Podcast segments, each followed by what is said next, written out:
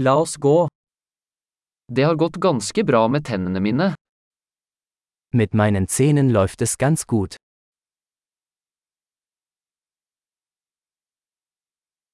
Jeg har flere problemer å ta opp med tannlegen i dag. Ich habe heute mehrere Probleme mit dem Zahnarzt zu klären.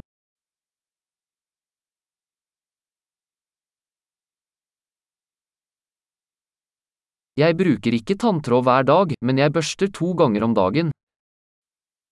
Ich benutze nicht jeden Tag Zahnseide, aber ich putze zweimal am Tag.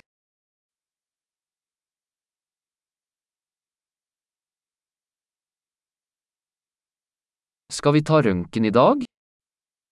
Machen wir heute Röntgenaufnahmen?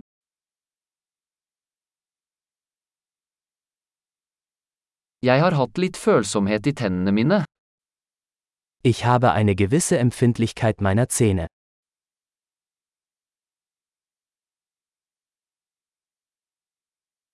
Tennene mine gjør vondt når jeg spiser eller drikker noe kaldt. Meine Zähne tun weh, wenn ich etwas Kaltes esse oder trinke.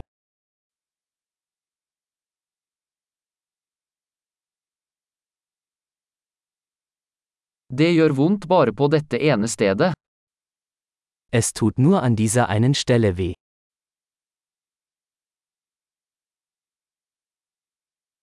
Tannkjøttet mitt er litt vondt. De har det vondt. Mein Zahnfleisch tut etwas weh. Sie tun weh.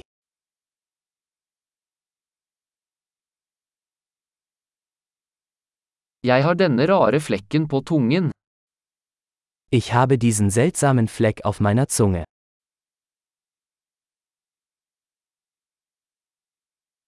Jeg tror jeg har et kreftsår. Ich glaube, ich habe ein Krebsgeschwür.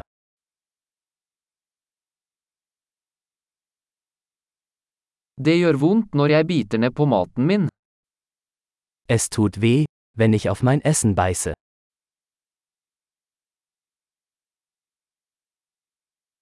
Har jeg noen hull i dag? Habe ich heute Karies? Jeg har prøvd å kutte ned på søtsaker.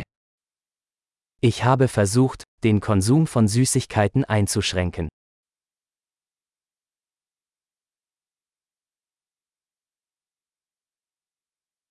Kan du fortelle meg hva du mener med det? Können Sie mir sagen, was Sie damit meinen?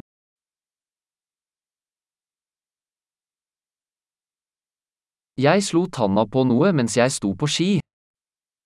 Beim Skifahren bin ich mit dem Zahn an etwas gestoßen.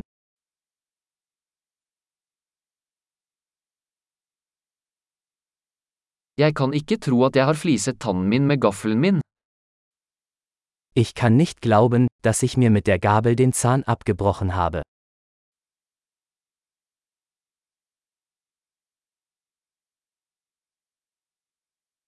Det blødde mye, men det stoppet til slutt. Es blutete stark, aber irgendwann hörte es auf.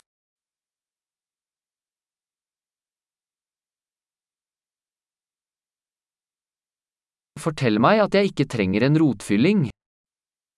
Bitte sagen Sie mir, dass ich keinen Wurzelkanal brauche.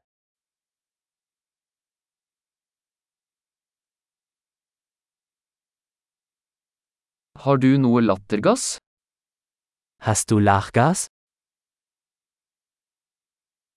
Hygienistene her er alltid så blide. Die DentalhygienikerInnen hier sind immer so sanft.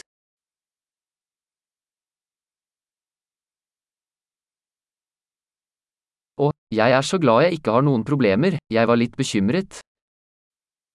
Oh, ich bin so froh, dass ich keine Probleme habe, ich war ein bisschen besorgt.